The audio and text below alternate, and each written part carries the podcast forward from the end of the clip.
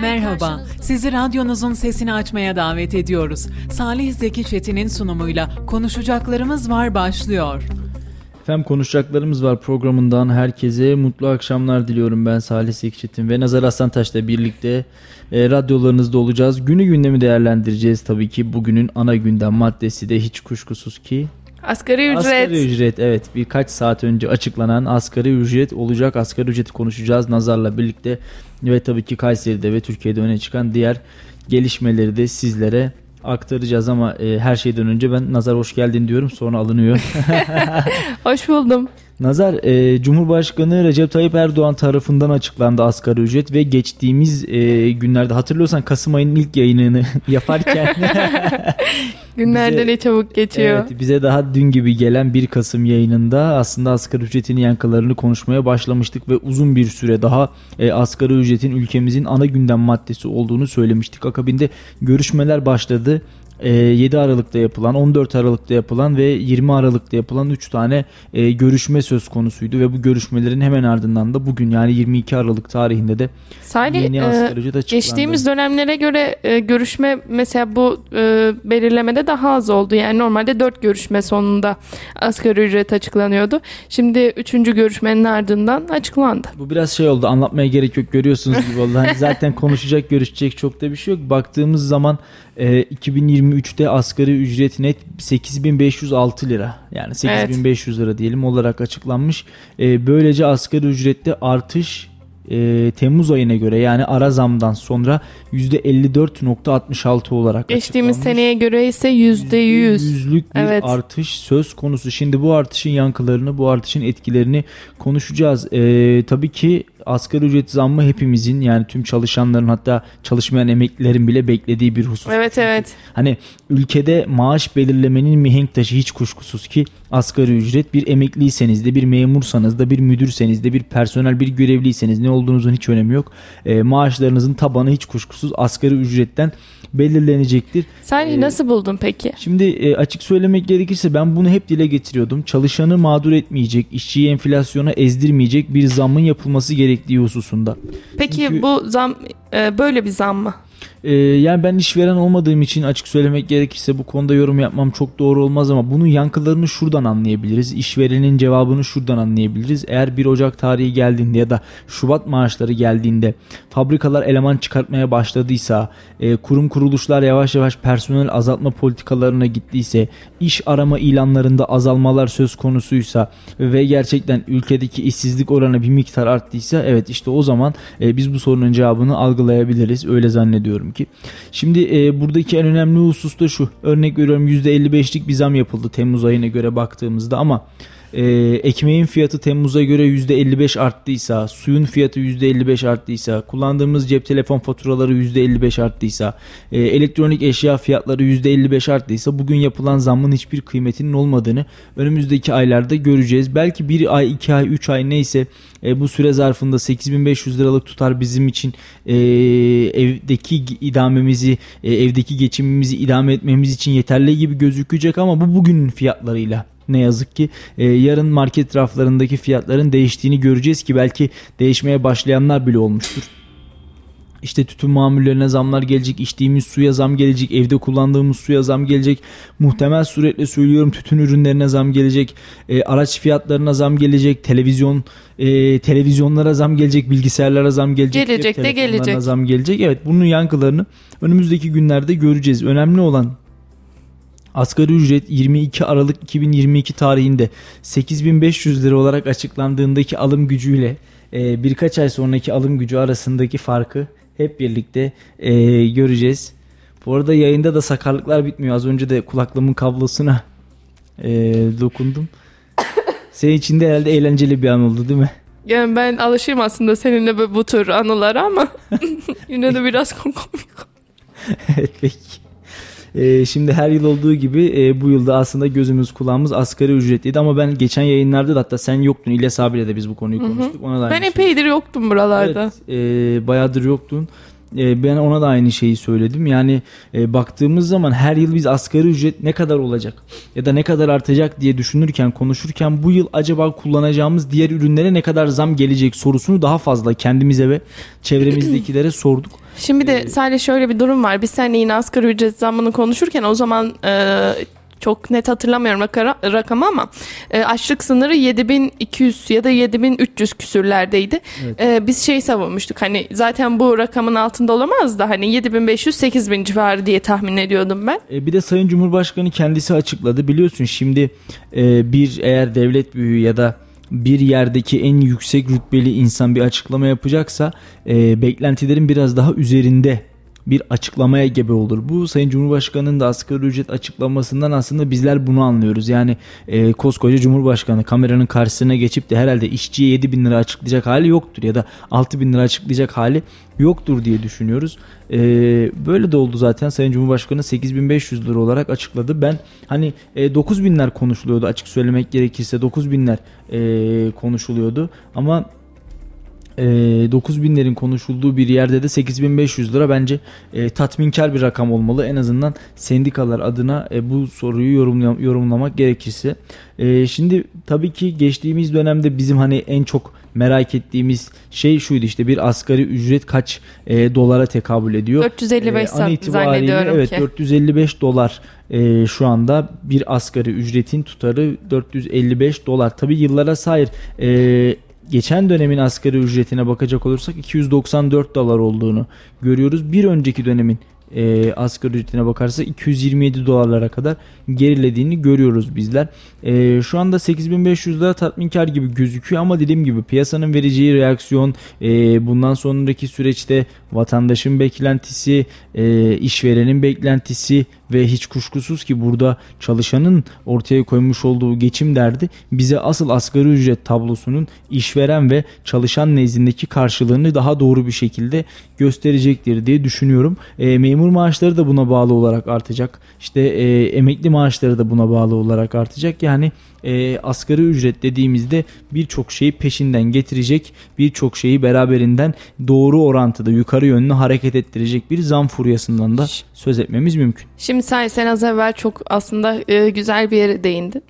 E, asgari ücret zam haberini paylaştıktan sonra şöyle ufak bir yorumlara göz gezdirdim. Evet. E, herkes yani hani birazcık insan mutlu olur ya hani zam geldi artık hani bir iki ayda olsa e, hayatımı daha kaliteli şekilde idame ettireceğim diye düşünürken evet. ya ben en azından böyle düşünür insanlar diye düşünüyordum. Ama insanlar e, senin de az evvel söylediğin gibi gelecek zamlardan korkuyor. Yani evet bugün gerçekten çok güzel bir artış oldu bence asgari ücrette ama e, bununla birlikte e, bizim faturalarımıza yansıyacak. E, alışveriş yaptığımızda fişlerimize yansıyacak fiyatlarda e, aynı oranda olacağını düşünüyorum ben. Bundan sonraki süreçte e, hani enflasyon biraz düşer, insanların alım gücü artar, biraz daha ekonomi rahatlar diye umut ediyorum ama e, Mayıs ayı, Haziran ayı gibi de tekrardan bir arazamda olabilir. Evet ama e, zaten Sayın Cumhurbaşkanı da söyledi e, yeni bir arazam yapmaktan da geri durmayız dedi ihtiyaç olması halinde. Şimdi bu durum işverenlere nasıl yansıyacak? İşçilerin karşılığı, işçilerin bu zamma karşılığı ne? Bunları bir de e, bir bilen kişiye soralım dedik. E, telefon hattımızın diğer ucunda e, muhasebecimiz var Fatih Yılmaz. E, Fatih Bey hoş geldiniz. Hoş bulduk Sabitciğim. Nasılsın Fatih abi iyisin? İyiyim Allah işte sen nasılsın? Teşekkür ediyoruz abi biz deyiz. Nazar'la birlikte yayındayız. Asgari ücreti konuşuyoruz. Asgari ücret zammını konuşuyoruz. Ee, hem işverene yansımasını hem işçi karşısındaki asgari ücret zammının tezahürünü e, aslında ölçüp biçmeye çalışıyoruz. Tabii biz işveren kısmını çok net bir şekilde idrak edemiyoruz. Ben şöyle söyledim hani işverenin asgari ücret karşısındaki tavrını e, eğer iş ilanları bir gün azalırsa eleman arıyoruz ilanları azalırsa ya da insanlar işçi çıkartmaya başlarsa o zaman göreceğiz. İşverenin cevabı için herhalde birazcık daha süreye ihtiyacımız olacak. Eğer işçiler, e, işverenler işçi çıkartmıyorlarsa ya da e, işçi aramaya, eleman aramaya devam ediyorlarsa bu da onların da memnun olduğu bir asgari ücret tutarıdır diyebiliriz. Peki e, sen nasıl görüyorsun abi 8500 liralık bu yeni asgari ücreti? Daha şimdi en son seninle de yayın yaptığımızda orada da söylemiştim. E, 8500 gibi olacak diye tahmin etmiştim.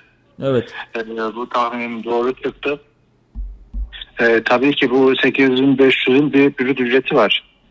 E, kıdem tazminat olsun brüt ücretin hesaplanıyor. SGK primleri brüt ücretin hesaplanıyor. Bu brüt ücrette 10.008 TL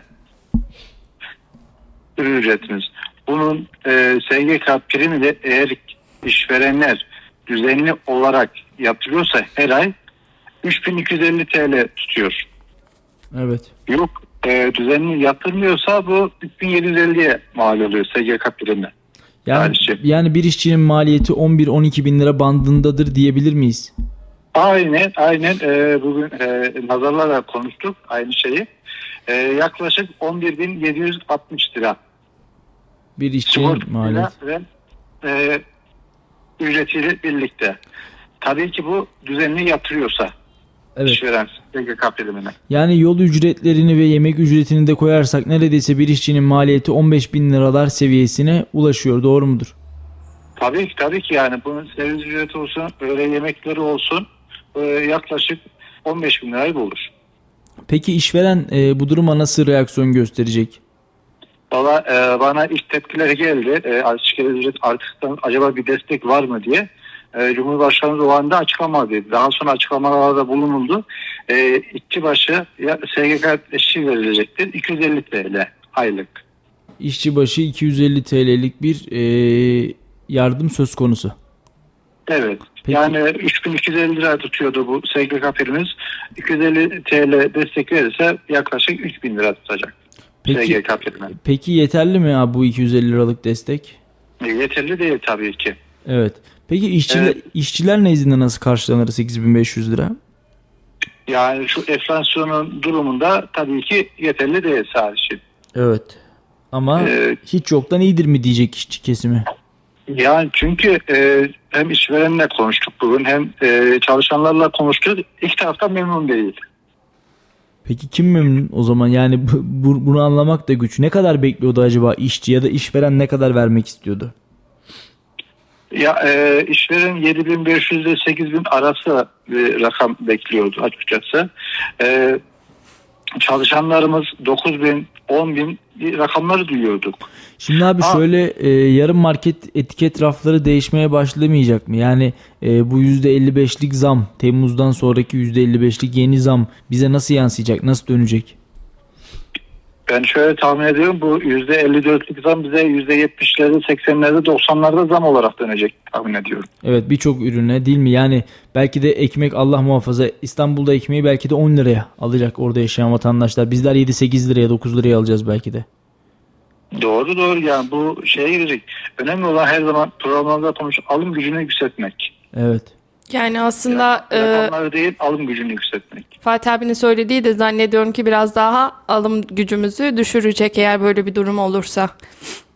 Yani e, aynı Nazar'cığım e, bu şekilde giderse e, şöyle hem Maliye Bakanımız olsun hem Cumhurbaşkanımızın da şöyle bir şeyler var. 2023'te işte %20'lerde %25'lerde enflasyon. İnşallah o şekilde düşer de alım gücümüz yükselmiş olur. Yani umarız abi. E, ağzına yüreğine sağlık. Yine sen kendi programında zaten muhtemelen e, uzun uzun konuşursun. Biz de böyle kısaca bir değerlendirme alalım dedik. Bağlandığın için teşekkür Kısaca bir not, not daha vereyim. Tabii. Sahipçim. E, e, askerlik borçlama EYT'de gündemde evet. malum. Bizim gün eksiği olanlar için e, hem askerlik borç, borçlaması hem doğum borçlanması olsun borçlanmaları bir an önce yapmaları istedim. Çünkü e, birbirinden itibaren yeni tarife geçerli olacaktır. Evet yani bir haftalık bir süre kaldı doğru mudur? Doğrudur, doğrudur. Yani yaklaşık onda hesabını yapayım sadece e, müsaade ederse. Tabii ki.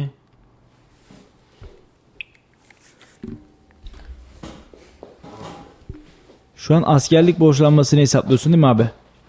Evet evet sadece. Evet.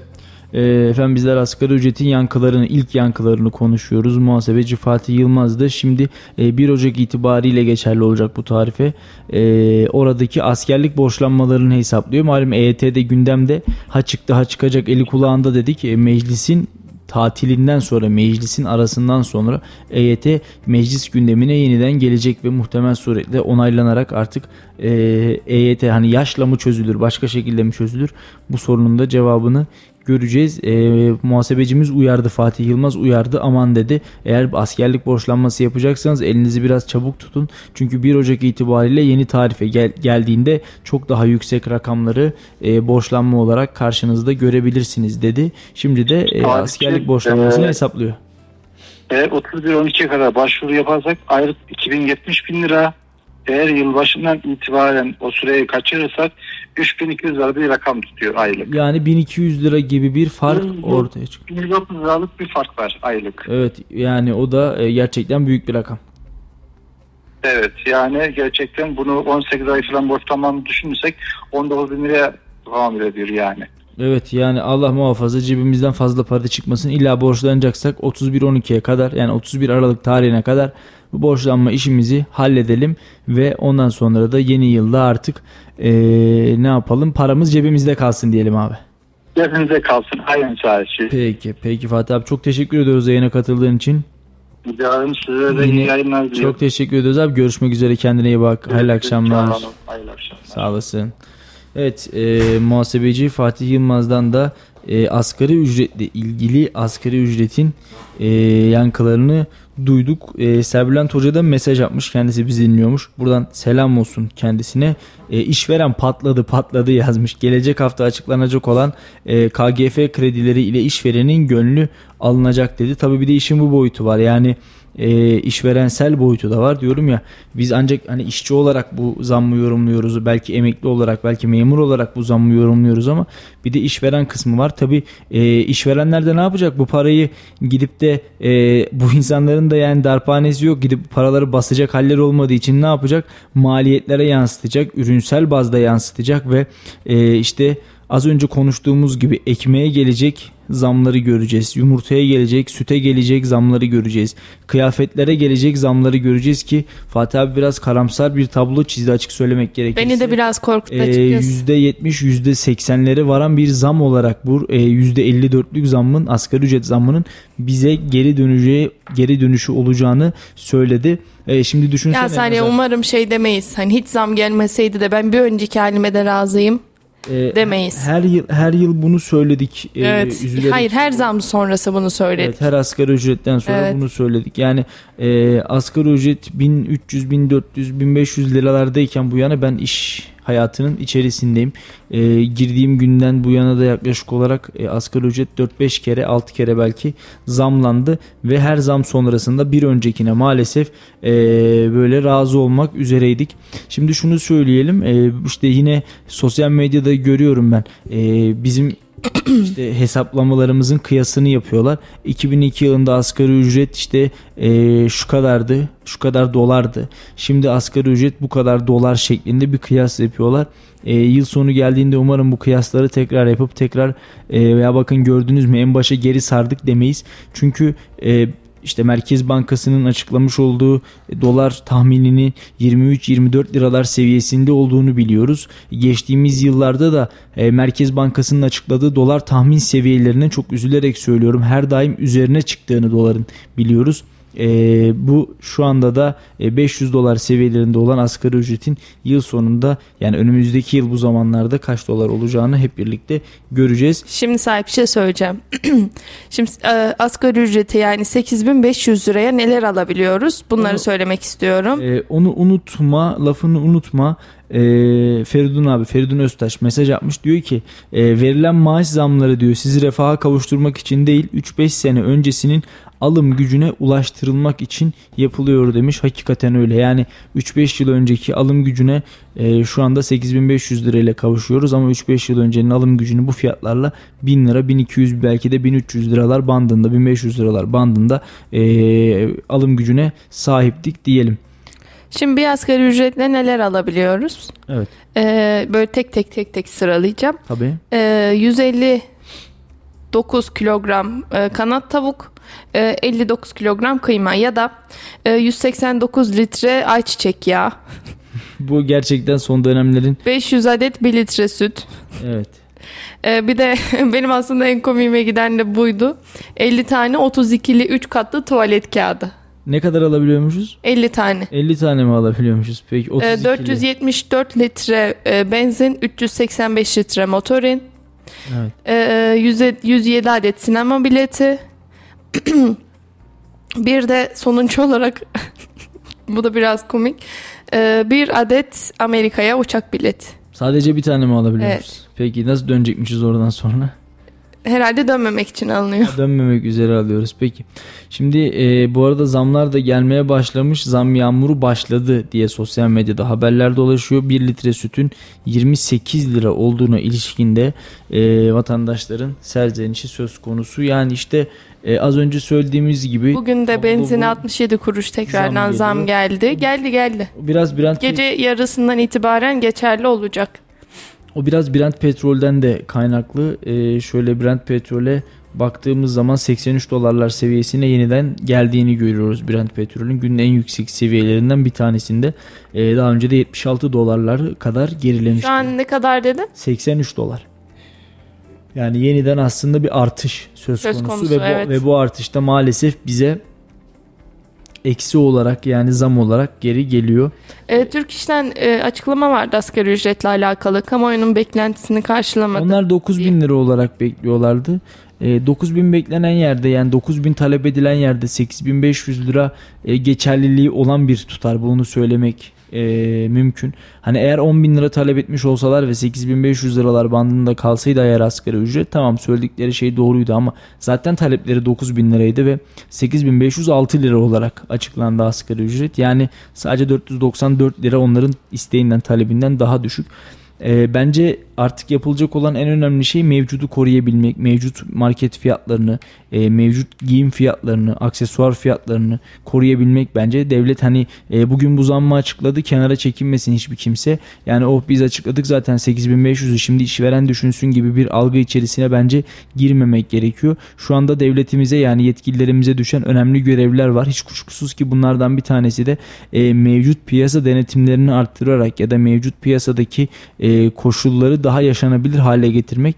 E, bu vatandaşlar zam istediği kadar yani maaşlarına zam istediği kadar piyasadaki ürünlere indirim talebinde de bulunuyorlar. Bunu söylemek mümkün. Ee, yani bir paket makarna eğer 10 liradan 15-20 liraya çıkıyorsa ve bunun karşılığında biz de vatandaşa alın kardeşim size 8500 lira bununla ne haliniz varsa görünü eğer söyleyebiliyorsak burada bir problem bir sıkıntı vardır.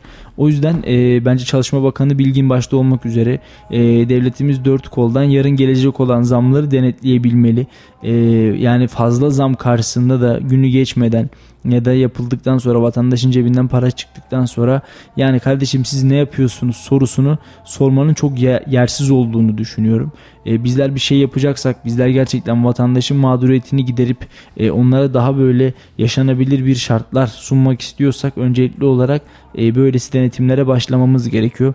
İşte ayçiçek yağlarında, zeytinyağlarında, Türk kahvelerinde, e, kullandığımız deterjan ürünlerinde, sabunda, şampuanda, e, vücut vücut losyonlarında ya da yediğimiz ekmekte, sütte, yumurtada adına her ne derseniz deyin e, denetimlerimizi arttırmamız gerekiyor ve bunların sonucunda da e, enflasyonun altında ezdirmediğimizi iddia ettiğimiz asgari ücretlinin biraz daha yanında durmamız gerekiyor.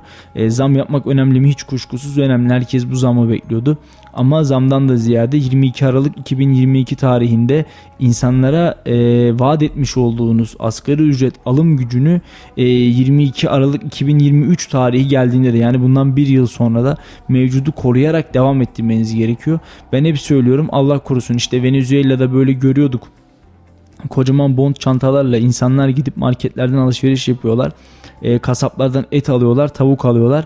E, bir gün biz de mi böyle olacağız acaba? Allah korusun diyorduk. E, şu anda gerçekten cebimizdeki banknotların yaptığımız alışverişlere ya da marketlere e, yetmediğini görüyoruz. En büyük para birimimiz bugün 200 TL ama en büyük paramızla bile bir market poşetini dolduramadığımızı görüyoruz. E, durum Almanya'da ya da İngiltere'de ya da Amerika'da böyle midir bilmiyorum. Yani Almanya Almanların en büyük parası öyle zannediyorum 500 euro. Onlar 500 euroya bir poşet değil muhtemelen bir arabayı rahatlıkla doldurabiliyorlardır diye düşünüyorum. Ya da Amerika'da e, bir poşet işte 200 dolarla 100 dolarla rahatlıkla doluyordur diye düşünüyorum.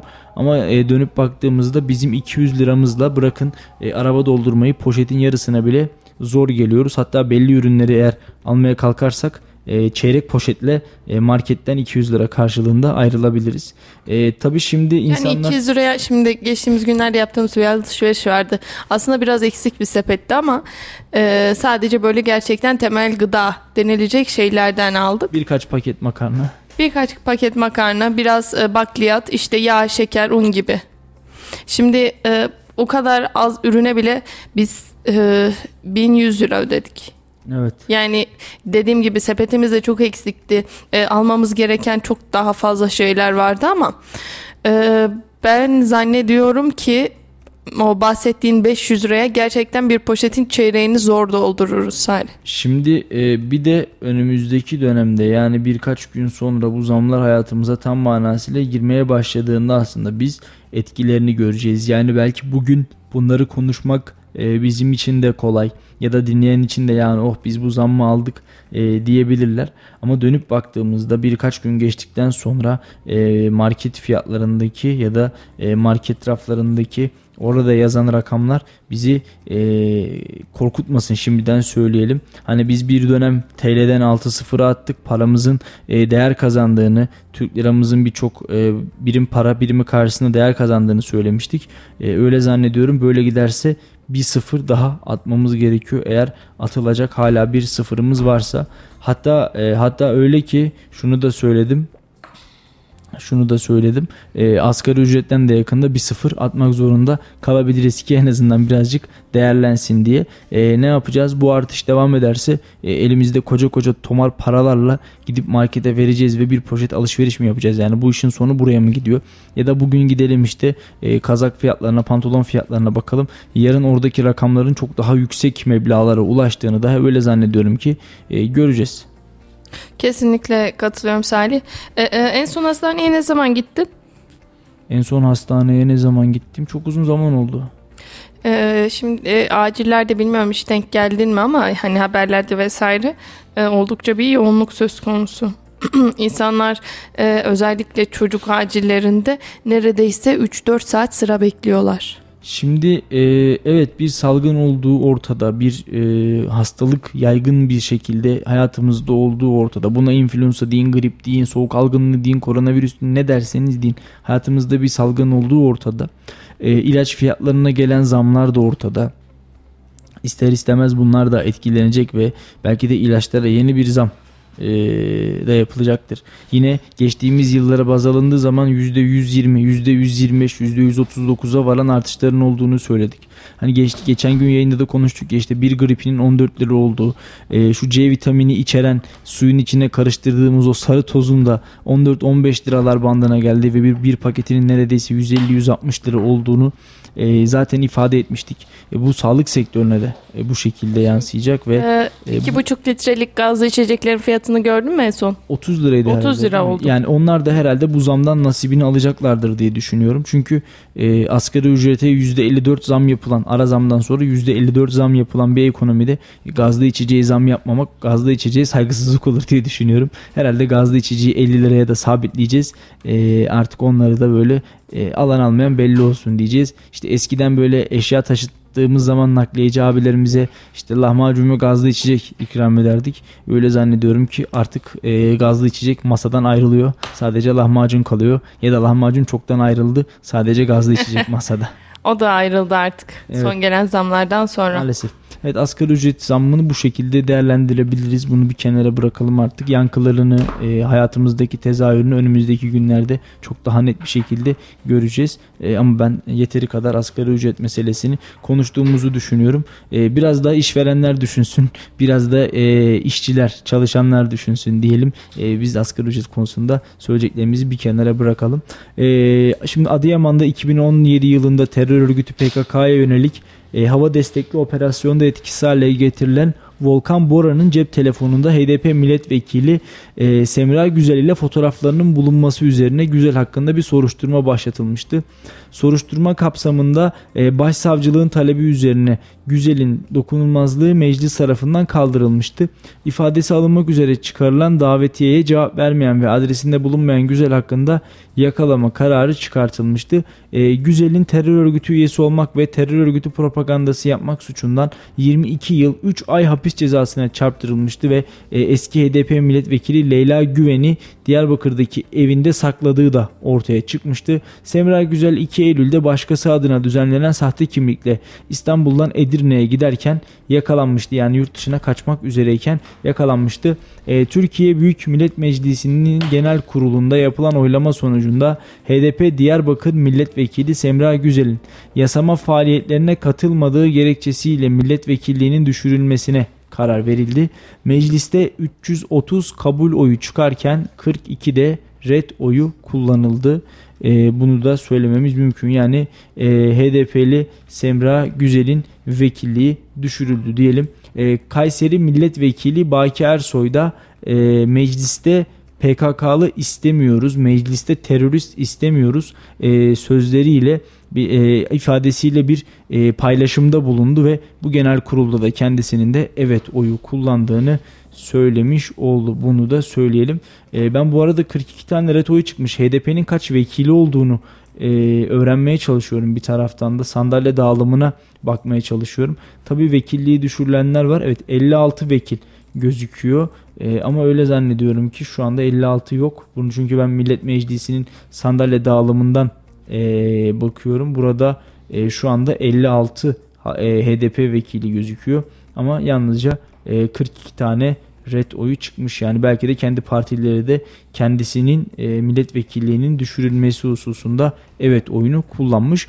Şimdi her fırsatta söylüyoruz, dile getiriyoruz. HDP organik olarak e, PKK'dan ayrılmadığı müddetçe e, terör uzantılarını bir kenarıya bırakmadığı müddetçe bu milleti temsil eden bir parti olamıyor. Olamayacak da zaten. Şimdi ben de bunu anlamıyorum. Bu kadın mecliste kimi savunuyor? Kimin haklarını arıyor? İşte e, ya da kimi temsil ediyor? Kimi Bence temsil buna ediyor? Bak, buna bakmak lazım. E, bizi temsil etmediği ya da e, bu ülkenin bölünmez bütünlüğünü sağlayan, bölünmez bütünlüğünü koruyan insanları temsil etmediği kesin. E, ve bu insanlar işte yıllarca bu devletten bizlerin vergisiyle maaş almışlar.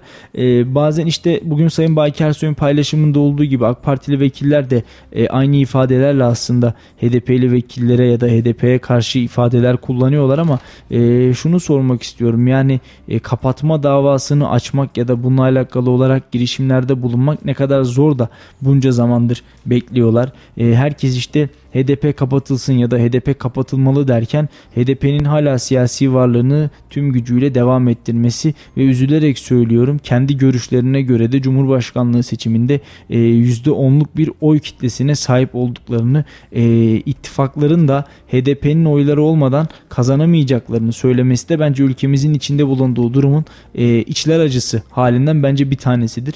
E, bugün işte HDP eski eş başkanı Selahattin Demirtaş e, tutuklu bulunduğu yerden ne yapıyor? Devlet yetkililerine, hükümet yetkililerine ağır eleştirilerde bulunuyor ya da tweet atabiliyor. E, ve orada da yine Türkiye Cumhuriyeti Devleti'nin politikalarını gönül rahatlığıyla eleştirebiliyor.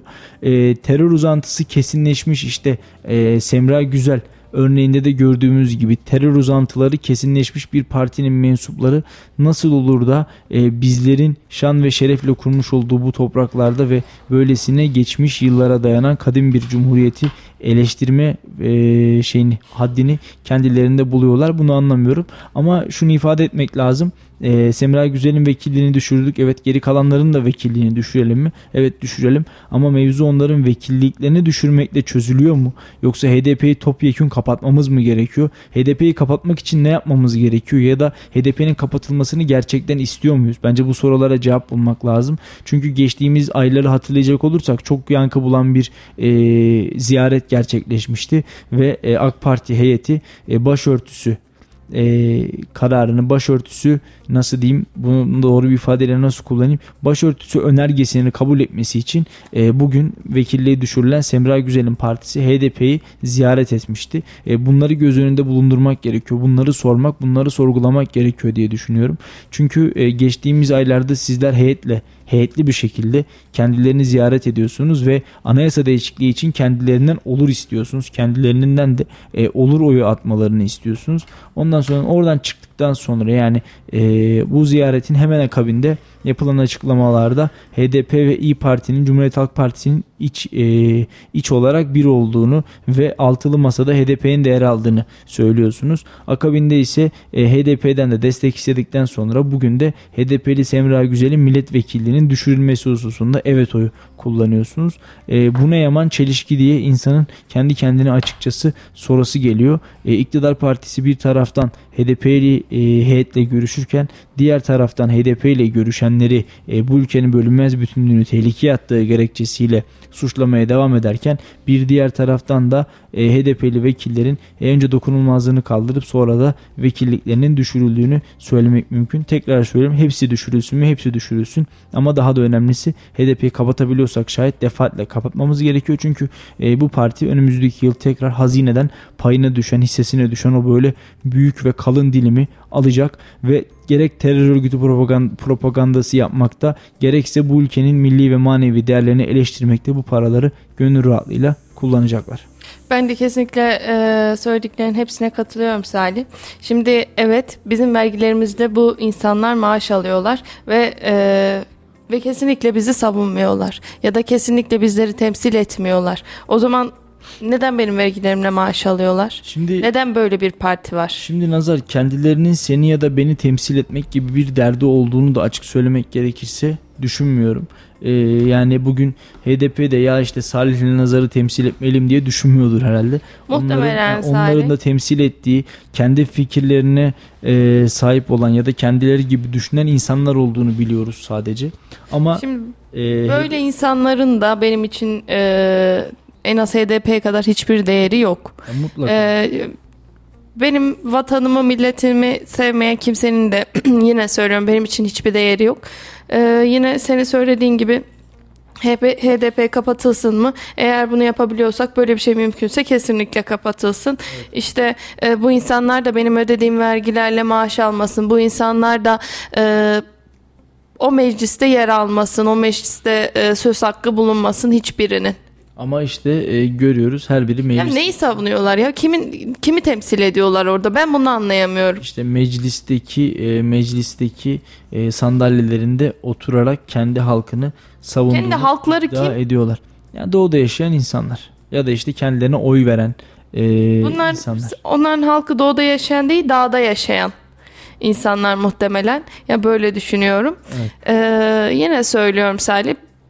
Beni temsil etmiyor her partiyi sevmek zorunda değiliz ama bu e, her sevmediğimiz parti gibi bir parti değil. Şimdi e, sevmemek ayrı bir şey, terör yaftasıyla bir partiyi eleştirmek ayrı bir şey.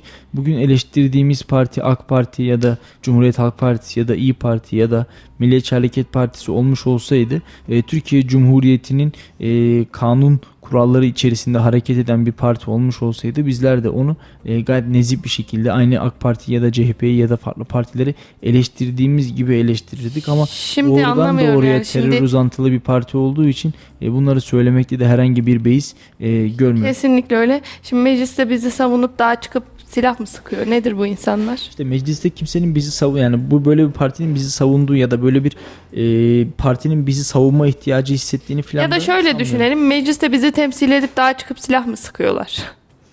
Yani az e, evvel de senin söylediğin gibi bu ne yaman çelişki. İşte bunlara bakmak gerekiyor. Malum seçimler geliyor e, anketler açıklanıyor. Her gün her geçen ankette ben ya bir de, takip etmeye çalışıyorum. Şimdi Orecen'in de bir anketi vardı. Geçtiğimiz günlerde yayınladık hatırlar mısın? Evet hatırlıyorum. Ee, HDP'nin oylarını hatırlıyor musun? Hatırlıyorum. %2 idi Kayseri'de. %2 evet.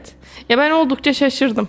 Valla ben de şaşırdım. Kayseri gibi milliyetçi ve e, muhafazakar olduğu söylenen ya da e, öyle insanların yoğunlukta yaşadığı bir şehirde hani HDP gibi bir partinin e, %2 oy alması ya da anketlere göre HDP'nin %2 çıkması da e, ilginç bir durum bence.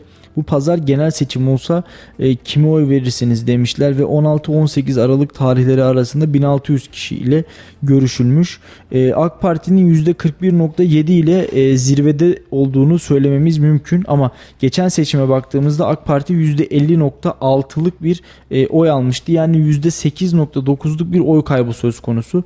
Cumhuriyet Halk Partisi'nin e, %12'lik bir e, özür diliyorum %2'lik bir artış içerisinde olduğunu söylememiz mümkün. Şu anda %15'lik oy oranında Cumhuriyet Halk Partisi Kayseri'de.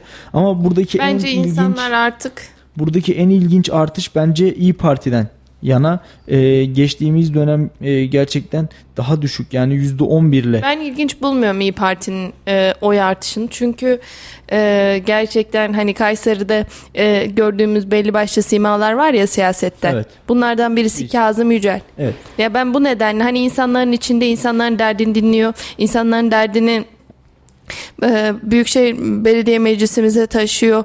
E, hani İyi Parti'den baktığımız zaman insanlar kendi bir muhatap bulabiliyor. Evet. Ben bu nedenle çok garipsemedim yani. Şu anda İyi Parti'nin oy oranı %17,5 ve Kayseri'de en çok e, artan parti olarak göze çarpıyor. Geçen dönem, e, geçen seçim %11 almışlar. E, bu seçim ise %17,5'la şu an İyi Parti ikinci parti konumunda. Kayseri'de bir de şey de daha parti. fazla değişeceğini düşünüyorum ben. Millet İttifakı'nın oylarının? E, hayır. Adayının belirlenmesinin ardından e, oyların daha fazla fazla değişeceğini düşünüyorum. Ben de aynı kanaatliyim. E, Milliyetçi Hareket Partisi'ne baktığımızda ise Kayseri'de ORC'nin anketine göre dördüncü parti MHP %13.8 ile e, geçen dönem %21.5 almış Milliyetçi Hareket Partisi de %7.7'lik bir düşüş olduğunu söyleyebiliriz. HDP %2.2, Zafer Partisi %1.8, Deva %1.5, Gelecek 1.3, Yeniden Refah Partisi 1.2, Saadet Partisi %1, diğer partiler ise %2.8 olarak. Bu saydığın partilerin arasında Memleket Partisi var mıydı? O diğerleri yani o %2.2'lik diğer kısımda Memleket Anladım. Partisi yer alıyor. Ee, şu an tablo bu. Cumhur İttifakı ya Kayseri'de %55 oranında şu anda %55 ile e, Cumhur İttifakı %33 ise Millet İttifakı. Ben insanların şey olduğunu düşünürdüm Salih hep e, partisel değil de böyle e, aday olarak baktığını düşünürdüm oy verirken ama zannediyorum ki insanlar evet partisel bakıyormuş. Çünkü e, bu, bu zamana kadar e, Cumhurbaşkanımız Erdoğan karşısında en yüksek oyu alan kişi Muharrem İnce'ydi ve şu an e, diğer partiler kısmında yer alıyor Kayseri'de baktığımız Şimdi, zaman. E, az önce ben Millet İttifakı'nın oyuna %33 demiştim ama özür diliyorum. Deva'yı, Geleceği ve Saadet Partisi'nde katarsak %37'yi buluyor Millet İttifakı. E, Cumhur İttifakı ise yüzde e, 54-55 civarlarında Kayseri'de seyrediyor bunu söyleyelim. Şimdi Muharrem İnce'nin aldığı oy kendisinin yani yüzde kaçı kendisinin de bilmiyorum ama büyük bölümü çok büyük bir kısmı e, Cumhuriyet Halk Partisi'nin oyuydu. Bunu Şimdi zaten kendisinin olan oyları da kaybetti ya. E, yani İnce. oradaki e, hani o gün ince neredeydi ya da işte bir gazeteci büyüğümüz ya da bir meslektaşımıza açıkladığı gibi adam kazandı demeseydi belki bugün inceyi daha farklı yerlerde e, görebilirdik. Aynı tabloyu İmamoğlu üzerinden değerlendirecek olursak bak mesela İstanbul seçimlerinde o da e, eğer İnce gibi ben kaybettim AK Parti kazandı gibi bir algının içerisine girmiş olsa ve vatandaşa da bunu eğer kabul ettirmiş olsaydı şayet belki bugün İmamoğlu'nun da adaylarını konuşmuyorduk ama e, İmamoğlu daha farklı bir yol izledi, daha farklı bir yol çizdi. Ben kazandım dedi. E, ben kazandım merak etmeyin dedi. Akabinde seçim iptal oldu ve daha sonra vatandaşın karşısına geçti dedi ki sizler 4 oy kullandınız. 3'ü geçerli, biri geçersiz. O da İstanbul Büyükşehir Belediye Başkanlık seçimi dedi. Sonrasında e, seçim iptal oldu ve bir seçim sonra ikinci seçim yapıldığında ise e, Ekrem İmamoğlu'nun 8 bin oy farkın 800 bin olarak geri döndüğünü gördük. E, Muharrem İnce de belki de e, hani belki benzetmek yanlış olacak ama benzer bir duruş sergilemiş olsaydı e, yine kaybedecekti belki ama önümüzdeki seçim bence onun için daha böyle umutla bakan bir 5 yılı görebilirdik. Yani bu seçimde Muharrem İnce'nin adını daha sık duyabilirdik. Eğer geçen seçim döneminde e, bu programı yapıyor olsaydık ya da geçen seçim sürecinde bu programı gerçekleştiriyor olsaydık bir sonraki dönem Cumhurbaşkanlığı adaylığı için kim olur diye bana sorsaydın hiç düşünmeden ben Muharrem İnce'nin adını söylerdim. Ama bugün kendisinin e, adını boş ver e, partisinin adı bile geçmiyor. Bunu da ee, söyleyeyim. Ee, şey Muharrem İnce biliniyor da partisi bilinmiyor Salih. Yani hani buradan herhangi birine git. Memleket Partisi kim? Genel başkanı kim desen kimse bilmeyecek. Evet. Ee, maalesef böyle bir hal aldık. Bir de bizim halkımızda şey var. Ee, bir kahraman yaratma evet. hissi var. Ee, ve her seçimde bunu ne yazık ki yaşıyoruz. Her seçimde e, vatandaşlarımız kendine bir kahraman buluyorlar. Yaratıyor, buluyor. Sil, sil baştan. Sil baştan hep aynısı. Evet. E, bir dönem işte ekmek için ekmelettin. Ekmelettinimiz var. Evet. Ekmek için ekmelettin denilmişti. Cumhurbaşkanı Sonra... Erdoğan'ın karşısındaydı. Evet e, Erdoğan kazanmıştı. E, Sonra Muharrem İnce dedik. Muharrem İnce denildi. Ee, yine aynı dönemde şimdi tek başına Muharrem İnce de aday olmadı. İşte Meral Akşener de vardı. Ee, Temel Karamollaoğlu da vardı. Yine herhalde HDP'nin adayı Selahattin Demirtaş da vardı. Ee, Cumhurbaşkanı Erdoğan %50'den daha fazla oy alarak ilk turda tekrar Cumhurbaşkanı seçildi. Şimdi bu dönem yine farklı isimler konuşulmaya başlanıyor. Hani isimler hep değişiyor. Türk siyasetinde Cumhurbaşkanı Erdoğan'ın karşısına çıkan isimler genel manasıyla değişiyor. E, ama Kılıçdaroğlu'nun adaylığı hususunda özellikle en son e, yapılan ve en son otobüs duraklarına raket diye tabir ettiğimiz reklam panolarına asılan e, afişlerde e, Kemal Kılıçdaroğlu'nun artık adaylığına kesin gibi bakılıyor. Bunu söyleyebilirim. Şimdi sen bence e, Kılıçdaroğlu evet aday olmak istiyor. E, ama mesela vatandaş da biliyorsun hani ya e, İmamoğlu ya da e, Yavaş diyor. Gibi. Şöyle Kılıçdaroğlu'nun da kendisi... Ben şeyden de böyle bir herhangi bir çıkış göremedim. Mesela Kayseri'de de hani bunu gözlemledik anladın mı? Dedik ki işte İyi Parti'nin oyları artmış. Ama işte Akşener... E, arkadaşların sen aday ol derse olurum vesaire gibi bir açıklama hiç yapmadı. E, Meral Akşener'in aday olmak istediğini düşünmüyorum. O birazcık evet. aday e, belirleyip biz bu insanı çıkartalım. Destekleyelim. E, aynen öyle. İstiyor. Böyle bir düşünce içerisinde. E, ben artık bu saatten sonra Kılıçdaroğlu'nun adaylığını kesin gibi görüyorum. Çünkü son hazırlanan e, reklam afişlerinde de hazırsanız başlıyoruz işte e, dünyaya karşı gibi ifadelerle Kılıçdaroğlu. Bir de e, şey vardı e, Kılıçdaroğlu'nun işte belediye başkanlarımız görevlerini yapıyorlar. Evet İmamoğlu diye. 16 milyon İma... İstanbul'a hizmet etmeye devam edecek diyor. Ee, yine Mansur Bey Ankara'ya hizmet etmeye devam hmm, edecek diyor. Her evet. fırsatta o kapıları bir kapatmaya çalışıyor. evet. Ama şunu söyleyelim e, İmamoğlu da orada şunu dile getiriyor aslında. Ben diyor şu an oyuncu değilim ama e, teknik direktör müsaade ederse diyor oyuna girebilecek bir oyuncuyum. O da adaylığı aslında yeşil ışık yakıyor. Bir soğuk savaş var Cumhuriyet Halk Partisi'nde de. Ama Ciddi şeydi yani Cumhuriyet Halk Partisi'nin içerisinde hep böyle savaşlar oldu. Evet. Bir... Yani ee, ben bu tür savaşları sadece AK Parti'nin içerisinde göremedim ama e, dediğim gibi Cumhuriyet AK Partisi'nin içerisinde hep böyle e, nasıl tabir edilir bilmiyorum ama. Soğuk savaş söz konusu.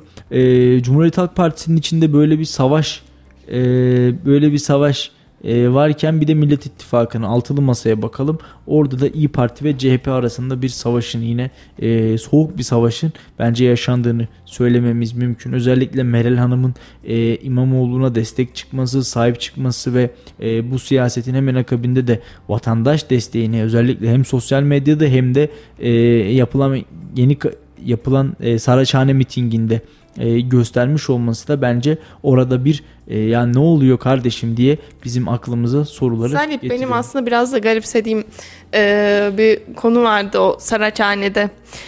Kılıçdaroğlu yoktu. Sonrasında şey diye açıklama yapmıştı. E, sosyal medyadan gördüm ben böyle bir çağrının olduğunu vesaire diye hatırlıyor musun? Kılıçdaroğlu mu? Ben onu görmedim. E, sosyal medyadan gördüm ben böyle bir çağrının olduğunu e, diye açıklama yapmıştı. Ee, sonrasında işte hani Meral Akşener, işte Mansur Yavaş vesaire diğer belediye başkanları oradayken e, İmamoğlu'na destekken e, hani insanların gözü bir noktada genel başkanları Kılıçdaroğlu'nu aradı ama Kılıçdaroğlu e, sonrasında hemen e, şöyle bir açıklama yaptı. Ben dedi sosyal medyadan gördüm aslında çağrıyı. Ee, geç gördüm dedi yani. Şimdi Kılıçdaroğlu'na şunu sormak gerekiyor. Partinizin en önemli faktörlerinden bir tanesi e, İstanbul gibi Türkiye'nin ve Avrupa'nın en büyük şehrini yöneten bir belediye başkanının mahkemesi var, duruşması var. Karar verilsin verilmesin sizin Almanya'da ne işiniz var? Bunu sormak gerekiyor. Evet. Kılıçdaroğlu e, yani son dönemlerde bence kişisel çıkarlarına çok fazla yenildi. E, çok fazla ben adayımı oynamaya çalışıyor. Bu bir taktik midir? Belki de bu e, çıkacak olan adayı yıprattırmama taktiğidir.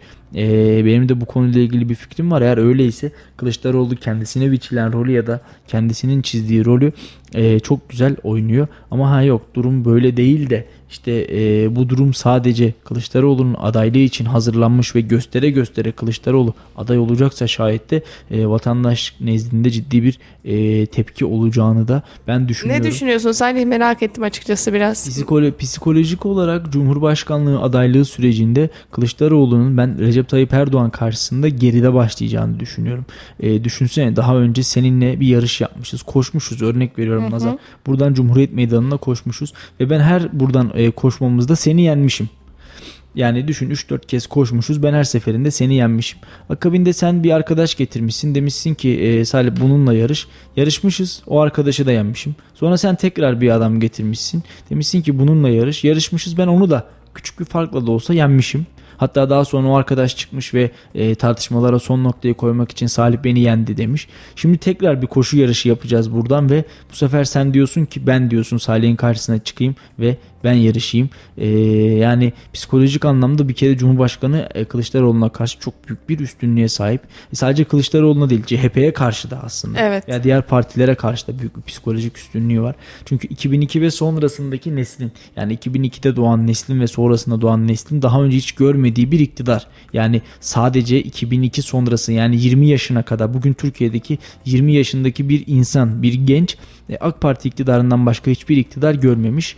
E, bu şuna benzer yani hatta ben de 96 şey, doğumluyum şey, ben mesela. de görmedim. Bak işte ha yani mesela ben de 96 doğumluyum. Ben de e, 2002 öncesini çok hani hatırlayabilmem mümkün değil. Zaten 6-7 yaşındaydım. Yani bizler de bizlerin e, aslında bizlerin de gözünü açıp böyle kendimizi biliyoruz e, dediğimiz zamanlarda hatırlayabiliyoruz dediğimiz zamanlardan bu yana e, AK Parti iktidarının Türkiye'de hüküm sürdüğünü söylememiz mümkün. Hele Sayın Cumhurbaşkanı'nın İstanbul Belediye Başkanlığı sürecine dönecek olursak birçoğumuz hatırlamayacaktır. Çünkü e, gerçekten bugün işte 1994 diyoruz. 94'te doğan insanlar 28 yaşına gelmiş ve e, ülkenin büyük bir çoğunluğunu aslında oluşturuyorlar. E, bunu da söylememiz mümkün. Psikolojik olarak Erdoğan'ın önde olduğu bir savaş olarak görüyorum ben Kılıçdaroğlu ile yapılan yarışı ve e, bu psikolojik zaferin ya da psikolojik önde başlayışın da sandığa e, erken yansıyabileceğini düşünüyorum. Şimdi düşünsene gittin CHP'nin adayında Kemal Kılıçdaroğlu yazıyor. Yani bir hmm. Erdoğan olarak düşün. Daha önce defalarca kez yenmişsin, kazanmışsın herhalde senden de mutlusu yoktur. Zaten e, işte Kılıçdaroğlu ben adayım ya da Kılıçdaroğlu ben Almanya'dayım dediği tarihte İmamoğlu'nun Saraçhane mitingini hatırla. E, Cumhur İttifakı cephesinden hem e, AK Parti'den hem MHP'den e, Kılıçdaroğlu'na nasıl destek geldiğini hatırla ki hatırlayacak olursan seçim Kayseri'ye sen hatta haberini girmiştin Devlet Bey'in oradaki açıklamasını Kılıçdaroğlu'na komplo kurulduğuna dair ve Kılıçdar e, Kılıçdaroğlu'nun aday olması gerektiğine dair e, açıklamalarda bulunmuştu. Yine AK Parti'ye yakın diyebildiğimiz gazetecilerin, sosyal medyacılarında e, attığı tweetlerde işte Kılıçdaroğlu'nun hakkı gasp ediliyor, Kılıçdaroğlu'nun hakkı yeniliyor şeklinde ifadelerini de okumuştuk. E, ben şunu söyledim hatta Kılıçdaroğlu istifa ediyorum AK Parti'ye ya da Cumhur İttifakı'na geçiyorum dese herhalde böyle destek alırdı. Ee, ben de aslında şey düşünüyorum. Yani hani İmamoğlu'nu veya Mansur Yavaş'ı e, aday gösterecek ama hani aslında adayları da biraz yıpratmamak için mi e, göstermiyor diye düşünüyorum. Eğer yani kendi yıprandı zaten. Hani biraz daha yıpranır bu yolda. Biraz daha böyle adayım gibi gösterip bence e, sonrasında İmamoğlu'nu veya Yavaş'ı aday gösterebilirler diye düşünüyorum. Şimdi e, eğer Kemal Bey bu tabloyu ortaya koyuyorsa zaten çok güzel rolünü oynuyor. Buna söyleyecek hiçbir şey yok gerçekten. E, Kemal Bey şu anda yıpranmıyor. Yani e, Bay Kemal dediler işte ben Bay Kemal'im dedi. Erdoğan'ı tersten vurmaya çalıştı. İşte şimdi Bay Kemal'i bekleyin, Bay Kemal'i göreceksiniz gibi yine ifadeler kullanıyor.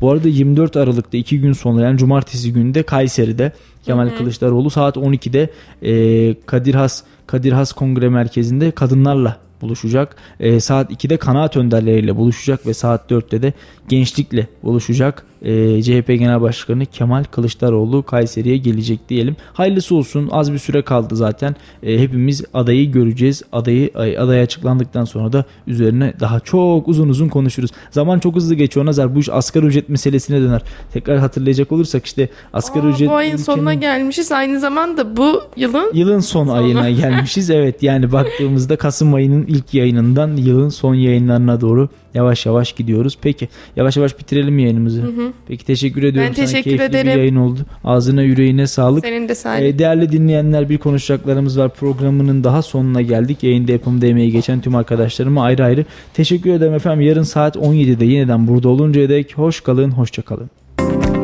Salih Zeki Çetin'in sunumuyla konuşacaklarımız var sona erdi.